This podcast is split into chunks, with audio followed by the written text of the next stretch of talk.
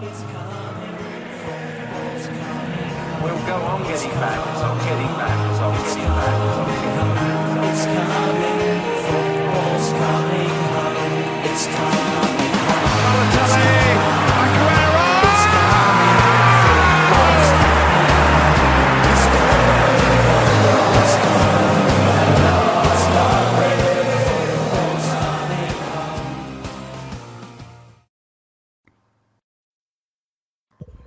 Ja, daar zijn we weer. Na een hele gekke week eh, in de Premier League. Ze waren er maar eh, vijf vier wedstrijdjes in de Premier League en daarnaast ook FA Cup. Dus een hele variërende week in Engeland omtrent voetbal. En eh, naast dat we deze week een podcast opnemen, nemen we inderdaad ook nog een special op. Maar daar komt later deze week nog meer op. Maar deze keer ga ik de wedstrijden bespreken. Niet alleen, dat doe ik samen met Fabian. Ah jongens, goedenavond. Eh, leuk om er weer bij te zijn. En ik, eh, ik vind het leuk dat het eh, even een keer gewoon een afwisseling is. Dat we dan zowel de FA Cup als, als de Premier League doen. En we zitten al best wel ver in de FA Cup. Dus ja, kom maar op met die wedstrijden zou ik zeggen.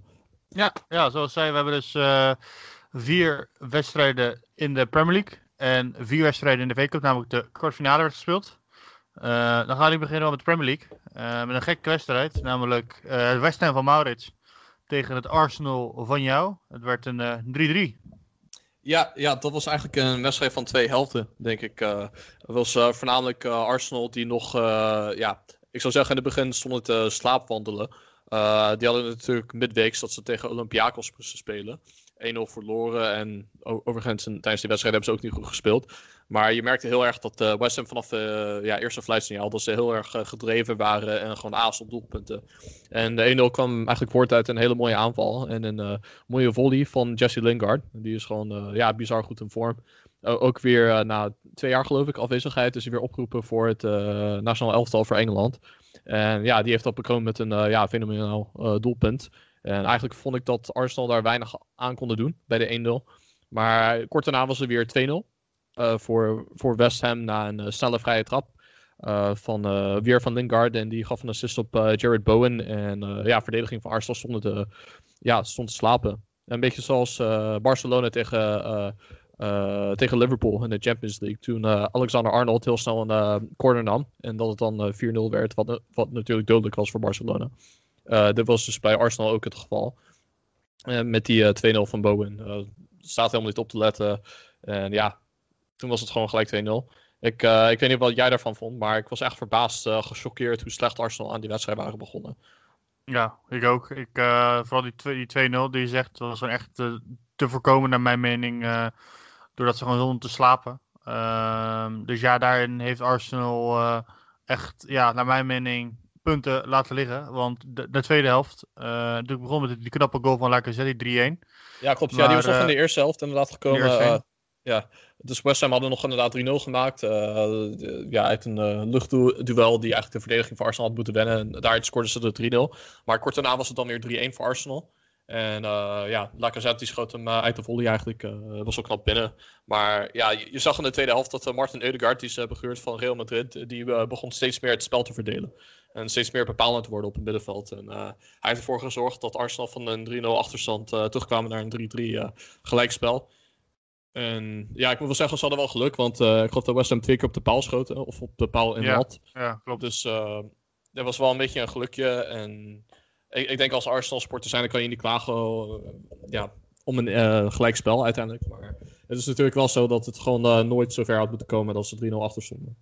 Maar ik kan nog een vraag trouwens. eh jou, jou als Arsenal supporter. Natuurlijk tegen, eh, op de wedstrijd tegen, in tegenstelling tot natuurlijk tegen Spurs hebben ze op drie plukken eh, gewijzigd. Kijk, eh, dat ze Saka erin zetten snap ik.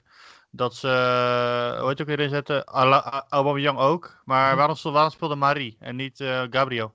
Ja, dat snapte ik ook niet. Eh, maar ik denk dat het te maken heeft met eh, ja, het feit dat ze dan midweeks moesten spelen. En eh, ja, hij roleert een beetje, Arteta. Dat deed eh, Emery ook. Wenger was er wel iets minder van. Die stelde wel vaak gewoon dezelfde spelers op midweeks als eh, van de weekend. Maar eh, ja, ik, ik denk toch met corona en zijn achterhoofd dat, dat ze geen pre-season hebben gehad. Dus ze zijn misschien niet even fit als ze zouden moeten zijn. Om die reden speelde Marie op ja, linker centrale verdediger en Callum Chambers op rechtsback. In plaats van Cedric of Hector Bellerin. Dus ja, ik, ik vond die twee niet heel sterk spelen deze wedstrijd. Chambers had wel een eh, belangrijk aandeel. En de eh 3-2 van Arsenal, overigens, of 2-3, dat was dan een eigen doelpunt. Uh, maar hij gaf die voorzet na een eh, mooie eh, no-look pass van de Eudegaard. En ja, kort daarna was hij eh, ook betrokken, Eudegaard, bij de 3-3 van eh Lacazette. En dat was op aangeven van Nicola Pepe. Maar, de ehm, rechtervoet, hè? Inderdaad, ja. Hij, eh, heeft hem eh, met zijn zwakke voet heeft hij hem zo eh, ja, voorgegeven aan, aan Lacazette. En die komt hem best wel knap binnen. Dus, maar ja, wat me ook verbaast is, ik had het er laatst over dat Aubameyang iets beter in vorm begint te komen. Maar ik vind hem eigenlijk de laatste weken dan weer een beetje tegenvallen. Dat, dat is het een beetje met hem. Hij heeft dan wedstrijden waarbij hij gewoon totaal onzichtbaar is. En dan gaat de Arsenal gaan ze heel slecht voetballen. En uh, dat was ook niet gek dat uh, Arsenal meteen scoorde nadat uh, hij van het veld was gegaan. De 3-3 viel eigenlijk twee of drie minuten nadat Aubameyang van het veld was gestapt. Of misschien zelfs minder dan twee minuten. Want hij vierde nog het doelpunt mee met, zijn, met de andere spelers van Arsenal. Maar um, ja, het is, het is gewoon overduidelijk zo dat als hij dan niet scoort of in ieder geval betrokken is bij een aanval, dan, dan zie je gewoon dat het heel slecht loopt bij Arsenal. Als hij in de basis staat. Nee, ja, ik ben, ik ben ook van mening dat een beetje uh, ja, momenteel bij Arsenal een transitie gaande is. Bijvoorbeeld spelers als Smith Rowe, Eudegaard. Dat is echt de toekomst. Ik hoop ook dat uh, Eudegaard bij Arsenal blijft. En dan echt daar uh, ja, de, de smaakmaker kan worden. Ja, nee, maar... ik, heb, ik heb toevallig voordat we deze podcast opnemen, heb ik gelezen dat Arsenal dat proberen. Ze zijn nu overtuigd en ze willen hem dan terughalen, ook al zeg maar voor nog een jaar om nog een jaar te huren. Het liefst kopen ze hem gewoon gelijk over van Real Madrid, maar Arsenal zijn er hard bezig om hem op lange termijn te houden. Ja, want bij, onder Zidane heeft hij natuurlijk weinig uh, perspectief, zoals we weten. Ja, klopt. En uh, ja, ik denk dat het uh, wel een hele goed, echt een motor op het veld kan zijn, zeg maar een dynamischere versie van Özil. Ja, om even een vergelijking te maken. Wat ik opvallend vond is, Eudegaard had, was met het match zoals je zei. En ik vond ook dat hij heel erg juist de zwakke plek van West Ham blootlegde, namelijk de flanken. Ja. Want door het middenveld, door het midden was niks te halen voor Arsenal. Maar ja, twee uh, goals van Arsenal kwamen doordat er voorzitter konden worden gegeven van de flanken. Klopt, ja. Dus hij, hij, hij, hij uh, pakte inderdaad de bal van de, vanuit de midden. Hij was ook een keer heel knap weggedraaid van Declan Rice. Die overigens ook best wel sterk speelde in deze wedstrijd. Maar uh, ja, wat je zegt, de gevaren bij Arsenal die komen juist vanuit de flanken. Want ze hebben wel goede buitenspelers over het algemeen. Het is alleen zo dat, dat er in het begin van het seizoen weinig creativiteit is. En nu met Eudegaard is dat er juist wel. Dus uh, ze zijn het steeds meer beter gaan benutten. En uh, ja, voor Arsenal is het zaak om, uh, om Eudegaard op een lange termijn te houden. Want als hij dan weer weggaat, dan heb je hetzelfde probleem als voor de winterstop. Of voor ja, de kerst. Nee, precies. Dus we gaan het, we gaan het meemaken. Ik hoop zelf... en anders is Smith natuurlijk ook een hele leuke speler die op die positie kan spelen. Inderdaad. En hij viel inderdaad in deze wedstrijd. Hij speelde in linie verder naar achteren. op de plek van Chaka, geloof ik, was hij binnengevallen voor Chaka. En speelde hij gewoon als een CM zoals ze zeggen, centrale middenvelder. Maar uh, ja, wie weet waar hij dan uh, in de toekomst zal spelen. Want uh, het is natuurlijk ook een ja, technisch goede voetballer. En die kan natuurlijk ook best wel goed groeien in het spel van Arsenal. Nee, precies. Maar ik denk dat het vertrouwen goed is dat Arsenal hier toch een, een puntje pakt. Um, dan gaan we naar de volgende wedstrijd aan de, onder, aan de andere kant van de, van de ranglijst. Namelijk Brighton tegen Newcastle. Mhm. Een 3-0 overwinning voor de mannen uit het zuiden. Ja, en inderdaad een 3-0 overwinning. Ja, ik vond het een leuke wedstrijd. Ik, ik had Brighton in het begin van het seizoen had ik ze op de ja, op tiende plek gezet. Zeg maar als in, in mijn voorspelling voor het, uh, voor het seizoen. Want ik, ik vond echt dat er heel veel vermogen in het elftal zat. En helaas hebben ze, ja, hebben ze niet heel vaak kunnen laten zien dit seizoen. En je hebt een, een, een, soort van statistiek dat heet expected goals. Ik weet niet of jullie daar al bekend mee zijn. Maar dat is, een, dat is gebaseerd op data. Dus waar iemand schiet ten opzichte van waar de doelman dan staat. En hoeveel kans dan een speler heeft om te scoren. En dat verschilt natuurlijk per, per speler en per team. Maar dus de XG, expected goals van Brighton, dat ligt altijd veel hoger dan de doelpunten die ze uiteindelijk maken. Alleen wat opvallend was aan deze wedstrijd, ze hadden met 3-0 gewonnen van Newcastle. Zij hadden dus uiteindelijk hun, uh, hun XG uh, overstegen. En dat is volgens mij pas de tweede keer dit seizoen dat, dat, het, dat, dat is gelukt. Dus je, je, ziet gewoon als ze loopt bij Brighton, dan, dan is het gewoon heel aantrekkelijk voetbal. En ik vond op basis van deze wedstrijd, vond ik zeker dat ze de overwinning verdienden. Want Newcastle, die, die liet echt al weinig zien. Nee, ik ben het met je eens. Ik vond, uh, ik vond Newcastle überhaupt heel seizoen al uh, vrij matig spelen. En het leek steeds uh, verder de afval in te zakken.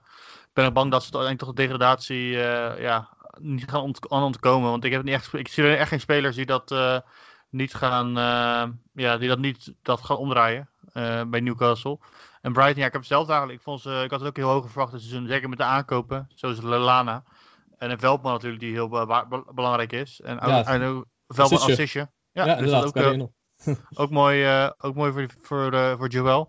En eh, ja, Welbeck is ook heel erg een beetje aan terug aan het komen. Opvallend. Ja, dat. nou ja, kijk, wat het altijd is met Welbeck is het is op zich wel een nuttige voetballer. Want hij is niet iemand die heel weinig scoort over het algemeen. Hij heeft ook bij United heeft er toch wel regelmatig zijn doelpuntjes meegepikt. Maar het probleem is, als je hem dan in de basis zet en dan gewoon tien wedstrijden achter elkaar laat spelen, dan laat hij het niet altijd zien. Maar wat zijn kracht echt altijd is geweest, is van, eh, van buitenaf dan naar binnen kappen. Dus van de linkerflank dan naar binnen kappen en dan schieten. En dat was dus bij die 2-0 eh, had hij dat gedaan. Eh, had hij heel knap van buiten de 16 had hij zo'n boogbal. Had hij hem zo in de onderste eh, verre hoek had hij hem eh, erin geschoten. Dus eh, ik vind het ook wel mooi om te zien van Graham Potter be- begint een beetje te snappen van hoe hij dan Welbeck ja, goed tot uiting kan brengen. En ervoor kan zorgen dat hij gewoon ja, van meerwaarde is voor Brighton. Want hij heeft wel, ook al is hij niet een topspeler, hij heeft wel bepaalde kwaliteiten. Nee, precies. En überhaupt, ja, wat, wat ik zei, weet je, Brighton leuk ingekocht.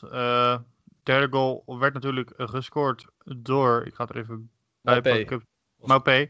Natuurlijk ook gewoon een eh, spits waar ik altijd het gevoel van heb. eh, ja, eerste goal Trossard, tweede goal Welbeck, derde goal Maupé. Ik heb bij Maupé altijd het gevoel van dat het nog niet helemaal uitkomt. Zeg maar ik denk dat de expected goal ratio nooit wordt gehaald omdat hij grote kansen mist. Ja, dat klopt. En eh, die expected goal ratio is ook gebaseerd op zeg maar in het verleden. Dus op eh, hoe spelers hebben eh, in het verleden hebben gepresteerd. En was, die was in vorige twee seizoenen echt, eigenlijk heel efficiënt.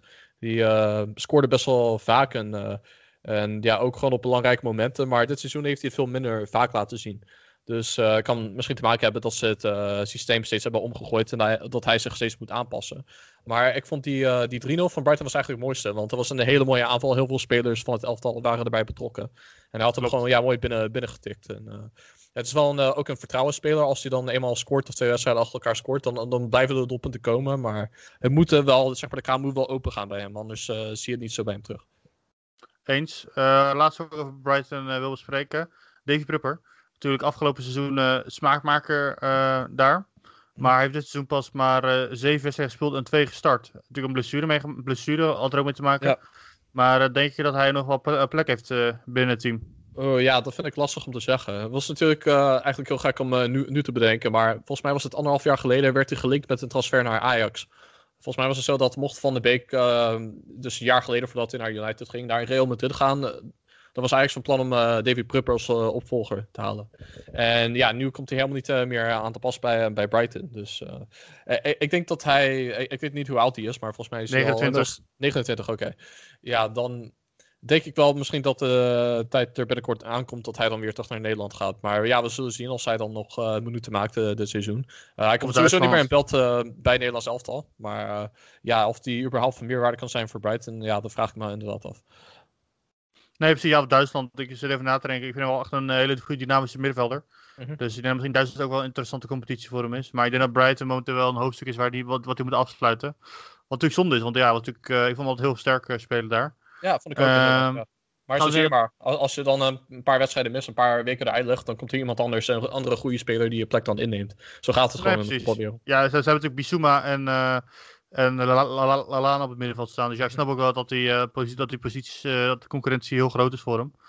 Ehm gaan we naar de volgende wedstrijd. En de laatste die we echt uitgebreid gaan bespreken in de Premier League van dit, dit weekend. En dat is eh Aston Villa Tottenham. Eh, ja, 0-2. En eh, ja, het begin. Tottenham natuurlijk dit heel erg geblunderd in de Europa League. Uitschakeld door Dynamo. Met, Ja. Door een hat van Orsic, een talentvolle speler uit Kroatië. Die wordt gezien als zeg maar ja, de grootste talent van, van de Balkanlanden. Dus het is ook niet een, een niemand die ze had uitgeschakeld. Maar natuurlijk al Tottenham die stonden volgens mij iets minder dan twee jaar geleden in de Champions League finale. Je mag er gewoon niet uitvliegen tegen zo'n club. Dus inderdaad eh, een hele zachte Nee, nederlaag. zeker niet zo. Zeker niet zo. Zeker niet door, door, door gewoon, eh, ja, door gewoon, eh, hoe heet het ook weer? Ja, gewoon de drie doelpunten. Ik vond ze ook best wel zwak spelen, eh, die wedstrijd. Eh, maar ja, hier hebben ze zich goed gerevancheerd tegen Aston Villa. Een directe concurrent voor Europees voetbal. Ja, ja nou, verrassend genoeg is het inderdaad zo, ja. Maar eh, ja, Villa, ik vind zelf de afgelopen eh, weken vrij zwak. Eh, Mhm. ze missen, is gewoon echt tandeloos zonder Grealish. Want ik heb het gevoel dat Gre- op, ieder team tegen Grealish altijd een extra mannetje neerzet. Waardoor er meer ruimte is voor eh Villa om te voetballen. En dat missen ze nu. Mhm. En eh, ja, het middenveld, eh Lewis, McGinn, Sanson en soms, eh, hoe heet het ook weer, soms Barkley. Dat loopt gewoon niet. Ja, Tracy Gay is gewoon, moet gewoon verkocht worden, naar mijn mening. Is niet goed genoeg. Traoré laat ook nog niet zien. De enige die nog goed laat zien is El Ghazi. Eh, Ja, ja, heel, heel sporadisch inderdaad. maar ik heb het gevoel dat daar nog gewoon een beetje kwaliteitsverschil zit. En eh Ollie Watkins, die doet het ook wel aardig. Natuurlijk geselecteerd voor het Engelse elftal. Ja, en terecht. Ik vind ook, eh, ja, misschien niet op basis van de laatste weken, maar als je naar zo'n gehele seizoen kijkt, vind ik het niet gek dat, dat, dat hij is opgeroepen. Want Nee, ja, hij heeft van een prima, prima seizoen gedraaid. En ik ben benieuwd of hij ook voor Engeland gaat scoren. Maar wie had je liever gehad? Ollie Watkins of Patrick Bamford? Ja, goeie. Ik, eh, ja, ik, ik, ik vind het moeilijk om te zeggen. Ik denk eigenlijk dat Bamford, dat hij meer een, eh, zeg maar heel goed binnen het systeem van Bielsa past. Ik denk dat dat heel veel met de trainer te maken heeft. Ik vind Ollie Watkins meer echt een, eh, ja, die, heeft meer kwaliteit en meer... Hij, is een wat dynamischer spits. Hij, is misschien iets minder snel dan Bamford, maar hij is wel beter in de lucht. Hij is wel... ja, ik vind dat hij ook met zijn zwakke been beter kan schieten en hij kan beter de bal vasthouden. Dus hij heeft dan wel voor een profiel van een voor een spits van Engeland een beetje een eh, Harry Kane of een Calvert-Lewin. Die, die gewoon, ja, goed fysiek, sterk, goed in de lucht. Ja, dat is gewoon een eh, perfecte speler voor, voor zo'n eh, zo'n type spits die Engeland dan nodig heeft. Dus ik vind het ook niet gek dat eh, geselecteerd is door Garrett Southgate.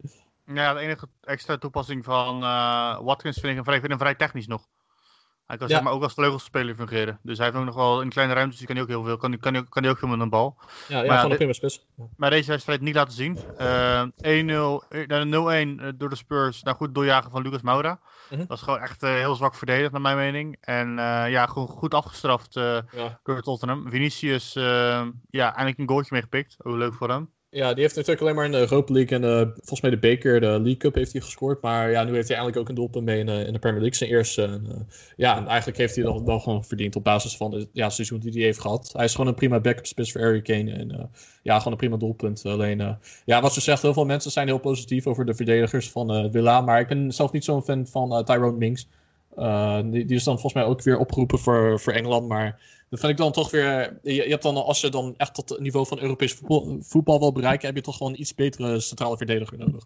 En ehm, ja, dat is mijn mening over hem. Eh, ik denk dat eh, luisteraars misschien daar een andere mening over hebben. Maar eh, ja, eh, het is toch wel niet verbazend dat, eh dat de verdediger, ja, verdedigende fout dan leidt tot een 1-0 van Tottenham, vind ik. Ja, hij is technisch niet echt eh, sterk. Een beetje, Nee, nee. eh, Eh, een beetje, minder, minder, beetje een mindere versie van, eh, van Harry Maguire, wil ik wel zeggen. Ja, ja dat, dat vind ik wel een goede omschrijving inderdaad. Hij, eh, wel iets lomper dan Harry Maguire. Ja, precies. Ehm, en eh, ja, dan de 2-0. Een foutje van de verdediging van Tottenham en van Aston Villa. Natuurlijk Matty Cash, die, die het Harry Kane neerhaalt. Maar Harry Kane die heel dramatisch naar beneden Ja. gaat, gaat Ja, dat, dat is natuurlijk ook, werd ook veel besproken. Heel veel mensen op social media zeggen dat dat de invloed is van José Mourinho. We hadden natuurlijk eh, een paar maanden geleden in de podcast van ons hadden we het er ook over van eh, toen de Harry Kane zich voor- voorover liet bukken bij luchtduels, zodat dan ja, zijn tegenstander dan over zich heen viel, over hem heen viel en dan zich heel makkelijk kon blesseren, misschien een nek breken. Maar we, zeiden de- we hadden het erover van, komt het door Mourinho? Want Mourinho staat wel onbekend dat hij dan spelers aanmoedigt om dan ja, hun tegenstanders op te fokken. Maar ja, je, je ziet toch dat Harry Kane onder Pochettino deed hij dit soort dingen niet. En naarmate hij langer onder Mourinho voetbalt, zie je toch meer van zulke soort trekjes komen. Dus eh, ik vraag me wel af of, eh, of Mourinho dat toch expres heeft gezegd van... goh, als je geraakt wordt binnen de 16, laat je dan gewoon makkelijk neervallen. Dan krijg je misschien wel een strafschop mee en dan kunnen we daarmee een wedstrijd in winnen. Over Mourinho gesproken trouwens. Ehm, ik las op social media ook wat dingen voorbij komen dat de meeste mensen met hem klaar zijn en dat hij Spurs niet naar een hoger niveau tilt. Ehm, denk je dat hij weg moet eh, na het seizoen? Nou ja, volgens mij heb ik ook zo'n eh, verhaal gelezen. En wat ik ook las is dat hij eh, in de belangstelling staat voor Portugal, van het Port- Portugese nationaal elftal. Nu is het natuurlijk zo dat ze een trainer hebben die heel succesvol is geweest. Die heeft al twee prijzen gewonnen met Portugal. En ze zijn natuurlijk een, voor de een van de favorieten voor het komende EK van de zomer. Dus ik ben wel benieuwd of dat gaat gebeuren. Maar van wat ik las is dat hij inderdaad weggaat bij Spurs. En dat hij dan de nieuwe bondscoach wordt voor Portugal, eh, voor het WK. En dat hij dan eh, bondscoach zal worden die dan Cristiano Ronaldo helpt om de WK te winnen. Want dan heeft hij echt zijn, alles gewonnen in zijn carrière. Maar, ja, ik ben eh, benieuwd. Maar laten we even uitgaan. einde van het seizoen. En Levy gaat met hem even evalueren. Ja. Denk je dat hij dan gaat zeggen van het is, niet gelukt, het, pro- het project? Of denk je dat hij gaat zeggen van ja, je, krijgt, je krijgt nog een jaar? Nou ja, ik denk dat het belangrijkste is, is dat hij een prijs wint. Ze hebben natuurlijk de League Cup finale tegen, tegen Manchester City. Dat is natuurlijk ook niet de makkelijkste tegenstander. Maar Mourinho heeft volgens mij 90% van zijn finales in dat toernooi heeft hij, eh, heeft hij gewonnen. En hij heeft bij elke club die hij ooit heeft getraind, heeft hij minimaal één prijs gewonnen. Dus eh, ik denk als Tottenham supporter moet je echt hopen dat dat lukt. Want eh, ja, ze zitten nu 13 jaar, als ik me niet vergis, zonder prijs. Het het begint wel te kriebelen. Of ja, al een lange tijd te kriebelen bij de sporters. Dat ze eindelijk iets winnen. En natuurlijk, als je eruit vliegt op zo'n manier in de Europa League, dan heb je wel wat goed te maken. Dus ik denk voor Mourinho om zijn eh, ja, loopbaan bij Tottenham goed af te sluiten, heeft hij wel ja, die prijs nodig.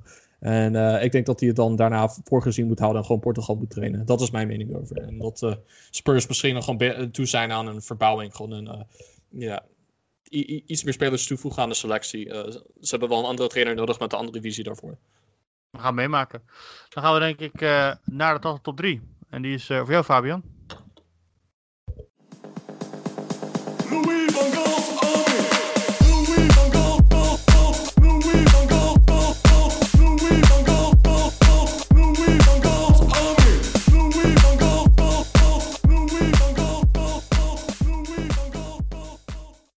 Yes.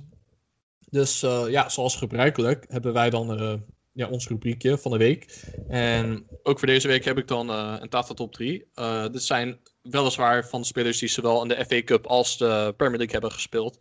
En eh, ja, er komen zo meteen wat namen voorbij die we nog niet hebben besproken in deze podcast. En daarmee begin ik met de nummer 3 van de Tata top 3. Die heeft er volgens mij sinds de eerste speelronde, dus de eerste podcast die we dit seizoen hebben opgenomen. Eh, nadat het seizoen was begonnen. Eh, die komt dus nu voor het eerst voor en dat is Donny van de Beek. En die heb ik erin gezet, niet zozeer omdat hij een hele goede, ja, goede wedstrijd speelde. Maar bij de ehm 1-1 van Manchester United, een doelpunt van Mason Greenwood, had hij heel slim een eh, overstapje gedaan over een paas van Paul Pogba, Pogba. Terwijl hij zelf kon schieten, had hij, was hij net heel subtiel over de bal heen gestapt, zodat Mason Greenwood vanuit een ja, betere uitgangspositie kon, hij- dat hij binnen kon schieten. Dus eh, ja, dat vond ik wel heel slim gedaan. Laat ook wel zien dat hij een eh, hele goede voetbalbrein heeft. Dat hij dan eh, ja, dat hij eh, ja, waarschijnlijk heeft geleerd van Ajax. Dus eh, daarmee wil ik hem belonen met een, eh, een nieuwe plek op de Tata Top 3. Op de tweede plek heb ik eh Joël Veldman staan. Eh, zoals gezegd, die, eh, had, eh, ja, die had natuurlijk ehm, een mooie assist op eh Trossard bij de 1-0 van Brighton. En, eh, ja, die is gewoon eh, bezig aan een hele goede maand daar. En ik denk dat hij misschien ook wel in de basis zal staan bij het Nederlands elftal in de komende wedstrijden. Dus ja, daarmee wil ik hem belonen met ja, niet de eerste plek. Opvallend genoeg heeft hij heel vaak bovenaan gestaan, maar deze week staat hij op de tweede plek. En de eerste plek moet hij dan deze week afstaan aan iemand die er al een tijdje niet in heeft gestaan. En dat is Hakim Ziyech. Die was binnengevallen bij een, bij een wedstrijd van Chelsea in de FA Cup tegen Sheffield.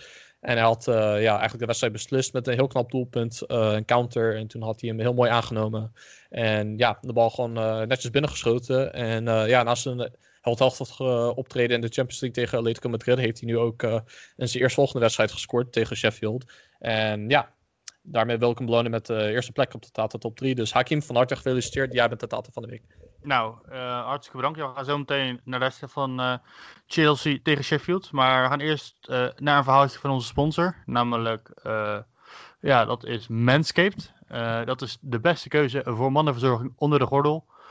Manscaped biedt nauwkeurig gereedschap voor jouw kroonjuwelen. Ze werken obsessief aan technologie ontwikkelen om jou het beste gereedschap voor je verzorgingservaring te bieden.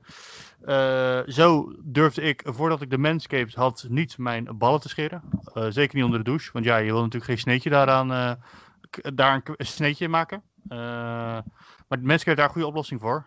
namelijk de elektri elektrische trimmer opnieuw verworpen. Het technisch team van Manscaped is 18 maanden lang bezig geweest met het perfectioneren van de beste balhaartrimmer ooit. En heeft net een nieuwe en verbeterde Landmower 3.0 uitgebracht. Hun derde generatie trimmer heeft geavanceerde keramische meshes uh, om ongelukken tijdens het scheren te voorkomen dankzij die voor Manscaped geïntroduceerde Advanced Skin Safe technologie. Uh, en geloof me, dit is een hoogwaardig stuk gereedschap. De batterij gaat ook wel tot 90 minuten lang mee. Dus ja, als je lang onder de douche en er echt een kunstwerk van wil maken, heb je er tijd voor. Uh, en met de daadrichte technologie, zoals zij, kan het onder de douche. Een van de coolste functies is ook een ledlampje. Dus als je graag in het donker doucht, kan je ook nog je ballen scheren. Dus voor iedereen wat wils. Eh, en ja, eh, wat kan ik er meer over vertellen? En eh, laten we de opla niet vergeten. Toon trots je trimmer dankzij deze intelligente ont- ontworpen houder die de dubbele dienst rijdt als handig oplaadstation met USB-aansluiting. Ja, ik zou zeggen, ervaar het ook zelf. Je kan de code podcastroad20 gebruiken voor 20% korting en gratis verzending. En ja, je ballen zullen er, zullen er dankbaar voor zijn. Dus nogmaals, je krijgt 20% korting en gratis verzenden met de code podcastroad20 op manscaped.com. Eh, en ja, eh, help ons hiermee. Ehm, daarnaast, Manscaped sponsort ook de laatste wedstrijd, namelijk Fulham Leeds. Dat is eh 1-2 geworden voor Leeds. Nou, laten we er even snel doorheen gaan. Fulham natuurlijk afgelopen week ook verloren, terwijl ze heel erg werden geroemd. Slecht in vorm heb jij gezet. Ik vond het een meevallen. Ik vond vooral de geluk voor Leeds hoe die stonden te verdedigen. Mercier goed. En ja, lesje efficiëntie in afronding. Gewoon echt goed, weggecounterd zijn ze bij Fulham.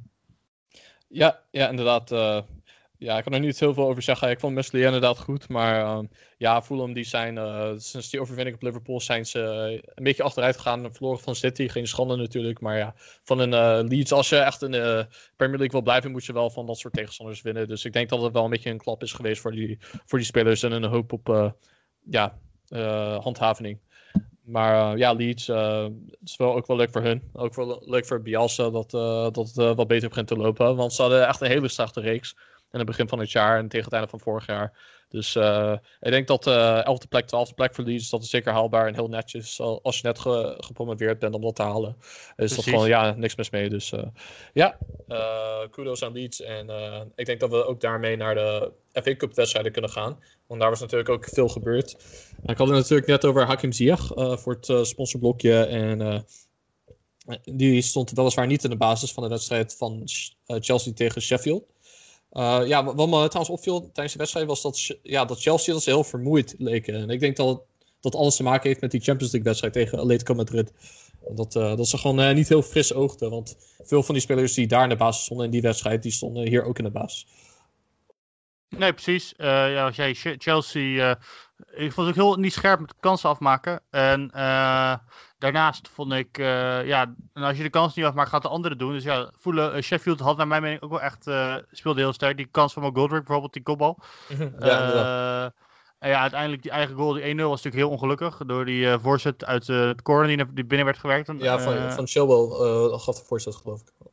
En eh, ja, voor de rest vond ik het eh, ja, uiteindelijk toch wel terecht dat Chelsea eh wint door solide defensief werken. Want onder, onder Tuchel maar twee tegendoelpunten pas. Ja, dat is echt eh, onvoorstelbaar. In alle competities hebben ze maar twee te- tegen eh, doelpunten gehad. En volgens mij was eentje ook een eigen doelpunt van eh, Antonio Rudiger. Dus hij heeft maar echt één tegenstander überhaupt gescoord tegen Chelsea onder Tuchel. En we zijn al volgens mij ja, 15 wedstrijden verder. Dus eh, niet zozeer van eh, dat hij er maar vijf wedstrijden zit. We zijn gewoon aardig op weg. Dus eh, ja, hij doet het echt fantastisch. Eh, een heel stuk beter dan zijn voorganger. Die het trouwens ook niet bizar slecht deed of zo. Dat is gewoon ja, niet op een niveau met, de spelers die hij eh, gekocht had. Maar ja, dit is heel be- veelbelovend hoor voor Chelsea. En ik denk zeker dat zij een van de favorieten zullen zijn volgend seizoen voor de landstitel. Ja, ik denk vooral dat ze nog een goede spitsentrainer moeten hebben. Want jonge jongen, wat een kans hebben die gemist. Ook, ja, ja. Ja, Werner al het hele seizoen niet. Tammy Abraham is wat ingezakt ten opzichte van vorig seizoen. Hudson Odoi. Ja, Hudson Odoi natuurlijk, eh, die speelt eh, tegenwoordig als wingback. eh, want Tuchel haalt ervan om met drie centrale verdedigers en twee opkomende backs te spelen. Maar ja, ik heb het idee dat Hudson Odoi daar niet goed tot zijn recht komt. Dus ja, ik ben benieuwd of dat, ja, hoe, hoe dat zich gaat uitpakken. Dat is misschien wel de enige zorg bij Chelsea, hoe dat dan gaat met spelers zoals Hudson Odoi, Pulisic, die dan heel veel pingelt, maar eigenlijk eh, niet heel effectief is ten opzichte van vorig seizoen. Dus eh, ja, even kijken hoe, ze, hoe Tuchel daarmee om kan gaan. Maar ehm, ja, ik vond eh, trouwens dat die counter waar Ziyech uit scoorde toen hij was eh binnengevallen, heel mooi uitgewerkt. Ook gewoon een mooie paas op Chilwell aan de linkerflank en die gaf hem goed voor. Mooie aanname van Ziyech en gewoon een mooie 2-0. En ook wel mooi om te zien dat hij op de weg terug is en dat hij een beetje zijn Ajax-vorm begint te laten, begint te tonen. Ja, eindelijk heeft, eh, heeft hij een plek gevonden in het eh Tuchelspel. Dus eh, hopen dat hij dat kan voortzetten. Dan gaan we denk naar een andere wedstrijd, namelijk Leicester Man United. 3-1 eh, voor Leicester. En ja, ik denk dat de grootste, opvallendste was het onkunde van United. Vooral die Ja. 1-0. Dat van een fout van Fred, zeg. Ja, dat. ja, Fred is een van die spelers bij United. Die is sinds dat hij gekocht is, volgens mij in 2018, als ik het goed heb. Toen eh, was het zo dat Manchester City hem bijna wouden kopen, maar dat was dan uiteindelijk niet gebeurd. En eh, toen is hij naar United gegaan. Onder Mourinho pakte hij er eigenlijk geen pepernoot van. Heeft hij minder minuten gemaakt dan Donny van de Beek dit seizoen bij United. Dus dan moet je nagaan hoe, hoe weinig hij eh, toen had gespeeld. Maar hij is steeds beter, steeds beter, steeds beter tot zijn recht gekomen. Afgelopen seizoen was hij sterk, begin van dit seizoen ook. En ja, nu is hij, deze wedstrijd was hij echt enorm door het ijs gezakt. Bij de 1-0 gaf hij heel makkelijk de bal weg, waar het uh, Ian Nacho dan eh, zijn goede vorm eh, beloonde met nog een doelpunt. Ik had het er net over tijdens de top 3. Eh, United hadden kort daarna 1-1 gemaakt. Na een eh, mooie aanval met Telles die een eh, bal voorgaf op eh, Pogba. Die dan een assist gaf aan eh, Greenwood. Maar dat was eh mede mogelijk gemaakt door een overstapje van, eh, van de Beek. En dat deed hij heel intelligent. Maar ja, daarna was het defensief bij United een beetje zoals we in het begin van het seizoen zagen. Maguire en Lindelöf, die oogden heel, heel vermoeid, niet scherp. Een beetje zoals Chelsea, eh, omdat zij natuurlijk eh, tegen AC Milan moesten spelen in de Europa League. Ook geen gemakkelijke tegenstander hoor. Dus eh, je, zag ook de effecten daarvan. En ja, het viel me voornamelijk op dat Ian Nacho heel effectief was. Hij had volgens mij maar drie schoten en twee doelpunten. En die heeft in de laatste maand, geloof ik, heeft hij al zeven doelpunten gemaakt. Dus, die is echt heel goed in vorm in alle Ja, competities. ja, eens. Ik ben ook eh, fan van hoe hij wordt gebruikt momenteel door eh, En, Brandon eh, die, is, die is overigens eh, topscorer eh, qua Afrikaanse spelers in de eh, FA Cup. Dus eh, hij heeft eh, met zijn doelpunten afgelopen weekend 11 doelpunten gemaakt in de, in de FA Cup, als ik me niet vergis. En dat is er één meer dan Didier Drogba. Dus eh, mooie statistiek voor hem. Hij is eh, ja, topscorer qua ja, Afrikanen in, eh, in deze competitie. En eh, als hij deze vorm doorzet, dan eh, kunnen ze Vardy goed vervangen, denk ik. Ja, en eh, ik denk dat we geen woorden aan vuil kunnen maken. Alleen kunnen zeggen waar Aston Villa zonder Grealish standloos is, is United zonder eh Fernandes ook Ja. vrij zwak. Ja, die viel overigens later in in de wedstrijd. En die, die je zag meteen iets meer urgentie. Maar er was ook bepaalde spelers. McTominay viel volgens mij voor Fred in naar een dramatische wedstrijd. Maar ja, die was dan ook verantwoordelijk voor een van die goals. En we hadden natuurlijk eh in de vorige podcast over De Gea toen hij speelde. En dat we zeiden dat Henderson dan eh, ja, een kans verdiende. Maar Henderson had ook niet zijn beste wedstrijd. Die was ook eh, ja, verantwoordelijk geloof ik voor de, voor de 2-1 van Ian. Of de 3-1 van... Ik weet niet meer wie het was. Maar ehm, in ieder geval, die had ook niet zijn beste wedstrijd. Dus eh, ik vraag me toch niet af of het misschien aan de keeperstrainer ligt. Want eh, dat kan natuurlijk ook een factor zijn. Hè? De Gea was natuurlijk onder Mourinho. Was hij, was hij echt eh, fenomenaal. Onder Van Gaal ook. Maar ja, dan onder uh, ja, Solskjaer, sinds dat hij er is, is, het dan, eh, is hij een heel stuk achteruit gegaan. Dus ja, mis- misschien kan het met de keeperstrainer te maken hebben. Dat de Maar keeperstrainer vinden we-. Maar vinden we Loris dan wel enorm goed onder, eh onder Mourinho keeper? Ja, dat is natuurlijk ook wel een, eh, ook wel een vraag. Nou ja, die, die vind ik niet... eh, Slecht. Ja, die, die vind ik niet zo slecht als de G eh, slecht is geworden na het, eh, nadat Mourinho weg is gegaan bij United. Dat is toch wel echt eh, heel chockerend. Want hij was wel echt de beste keeper van de Premier League. En nu is hij misschien niet eens de beste keeper van zijn team. Dat is, eh, dus ik denk dat er wat anders mee speelt hoor. Misschien eh deugen die keeperstrainers niet bij United. Maar ja, toch opvallend dat zij dan door zulke fouten dan eruit liggen. En, eh, ja, ik kan niet, eh, niks anders zeggen dan dat Leicester terecht hebben gewonnen. En dat zij dan nu tegen... ja, ja, en dat zij dan nu tegen een team moeten spelen die dan later in deze eh, podcast voor zal komen. Maar ik ga nu eerst over van de rode kant van Manchester naar de blauwe. En dat is eh, ja, dankzij een 2-0 overwinning van Manchester City op Everton. Dus die zitten weer in een halve finale. Ja, dat is gewoon hun competitie. Engelse beker. Manchester City. Het is gewoon... League ja, dat is toch? goed. ja, de League Cup ook. Ja, League Cup is gewoon altijd door Manchester City. FA Cup winnen ze ook vaak. Dus ja, niet, niet verbaasd dat ze dan weer in de halve finale staan. De voorspelling doen. Gaan ze de vier de, in plaats van de triple, de quadruple pakken? Weet ik wel, ze de vier pakken? Pff, ja, ik, denk dat ze er wel eentje, eentje laten schieten. Dus ik heb het gevoel dat dat de Champions League zal worden. Want dat is natuurlijk een hele grote uitdaging. Maar ik denk wel dat ze, dat ze een grote kans maken om de treble te winnen. Dus uh, landskampioen eh, sowieso, dat gebeurt. Ik denk, ja, Spurs in de finale. eh, Het kan, het kan heel lastig worden. Maar ik denk toch dat ze iets meer kwaliteit hebben. Dat ze die winnen. En ja, de FA Cup ook. Maar Champions League, ja, ik denk toch wel als je uiteindelijk tegen Bayern moet. En je hebt dan even e- een wedstrijd die dan minder goed is. Ze hebben al moeite om ver te komen in de Champions League. Onder Guardiola. Ik denk toch dat die niet. Uh, ja, dat er geen quadruple gaat uh, plaatsvinden. Nou, ik ben wel mening dat ze misschien de Champions League wel gaan winnen, want dat ligt echt de focus op voor Guardiola natuurlijk. Ja, en als je kijkt naar uh, hoe ze tegen, tegen Gladbach voor, voor de dag kwamen. Ja, nou ja, het is natuurlijk zo van Bayern, uh, hun verdediging is niet heel sterk, maar we zijn natuurlijk geen Champions League podcast, hè, maar om het er even over te hebben, ik denk wel zeker qua kwaliteit hebben ze wel echt de kwaliteit om de Champions League te winnen. Ik denk alleen gewoon uh, dat het gewoon onder Guardiola en omdat ze zich moeten focussen op andere competities, ik, ik denk dat het dan dit jaar niet gaat, gaat lukken om alles te winnen. Maar ik zeg niet dat het, eh, dat het ze nooit gaat lukken, want ze hebben zeker wel eh, potentie om dat te doen. We gaan het zien. Maar dan gaan we denk ik even deze wedstrijd tegen Everton. Het was geen leuke wedstrijd. Wel stabiel eh, van City.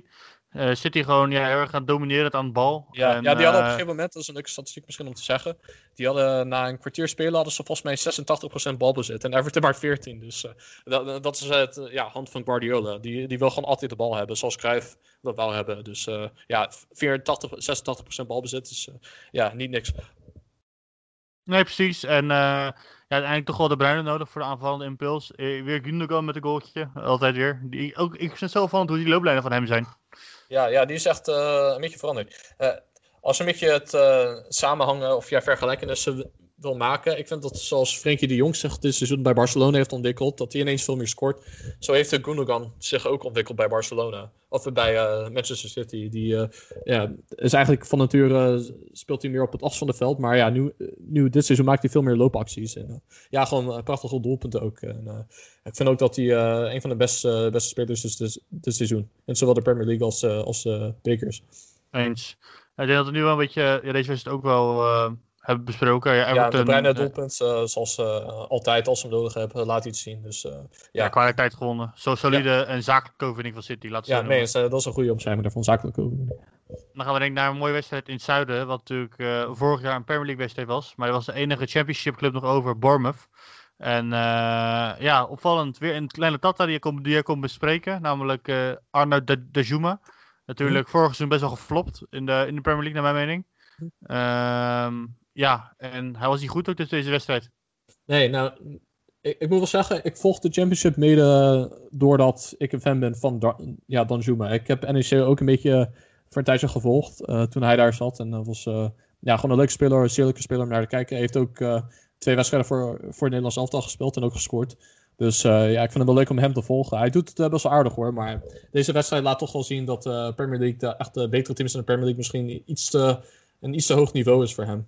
Maar ehm, ja, ik was vooral onder de indruk van Southampton. Dus het begint weer echt op het Southampton van het begin van dit seizoen te, te lijken. En dat komt misschien mede doordat uh, Bournemouth minder goed waren dan onder Eddie Howe. Natuurlijk wel spelers kwijtgeraakt. En het uh, niveau is duidelijk uh, gezakt naar championship niveau. Maar ja, ook wel mooi om te zien dat Southampton een beetje meer in vorm beginnen te raken. Dat patterns of play, zoals ze zeggen, echte patronen zoals je van Hazelhotel kent. Als het goed loopt bij Southampton, dat zag je eindelijk weer. En uh, ja, ik denk dat de sporters dan weer een beetje moed kunnen krijgen. Want nu staan ze in de halve finale van de FA Cup. Nu moeten ze weliswaar een halve finale spelen tegen Leicester City. Waar ze dan in het verleden natuurlijk ooit uh, 9-0 van hebben verloren. Maar toch, als je die wint, dan sta je in de finale. Dan moet je wel tegen een City of een Chelsea. Maar dan maak je toch een kans om een prijs te winnen. En dat is niet niks. Nee, precies. Ja, wat ik zeg, Southampton heel sterk weer. Nog een, een klein interessant feitje. Che Adams, toen ik uh, speler van Southampton, gaat misschien voor het, voor het Schotse elftal uitkomen. Zou wel leuk okay. zijn uh, als hij uh, als die, als die, die keuze maakt, naar mijn mening. Ja, en, ik, wist niet dat hij daar recht op had, maar ja, oké. Okay. Ja, ik las, ik las zoiets. Ja. ik, leer, ik, ik, las het stuk 3-0 geworden, daar staat niet 4-0. even een kleine rectificatie hier live. Oh ja, sorry. natuurlijk, Genepo met een hele mooie inschrijver. Toen Nathan Redmond met een mooie intikker. En Nathan Redmond met een 3-0. Dus uh, ja, Redmond eigenlijk weer. Natuurlijk vorig seizoen na de winterstop. Na die 9-0 vond ik hem heel sterk, Redmond. En nu uh, weer het vertrouwen gekregen onder Hazelnietel. En, uh, en naar mijn mening heeft hij het inge, inge, inge, ja, de vertrouwen beloond. Ja, Redmond die, ja, die is beter in vorm dan dat hij ja, eigenlijk in het begin was onder Hazelhoetel. En, dat is natuurlijk een speler die heeft er nooit echt heel vaak laten zien bij... uh, Volgens mij zat hij bij zowel Norwich als Newcastle, als ik me niet vergis. Voordat hij dan naar uh, Southampton ging. Maar en Chelsea. Het, ja, Chelsea heeft hij inderdaad ook.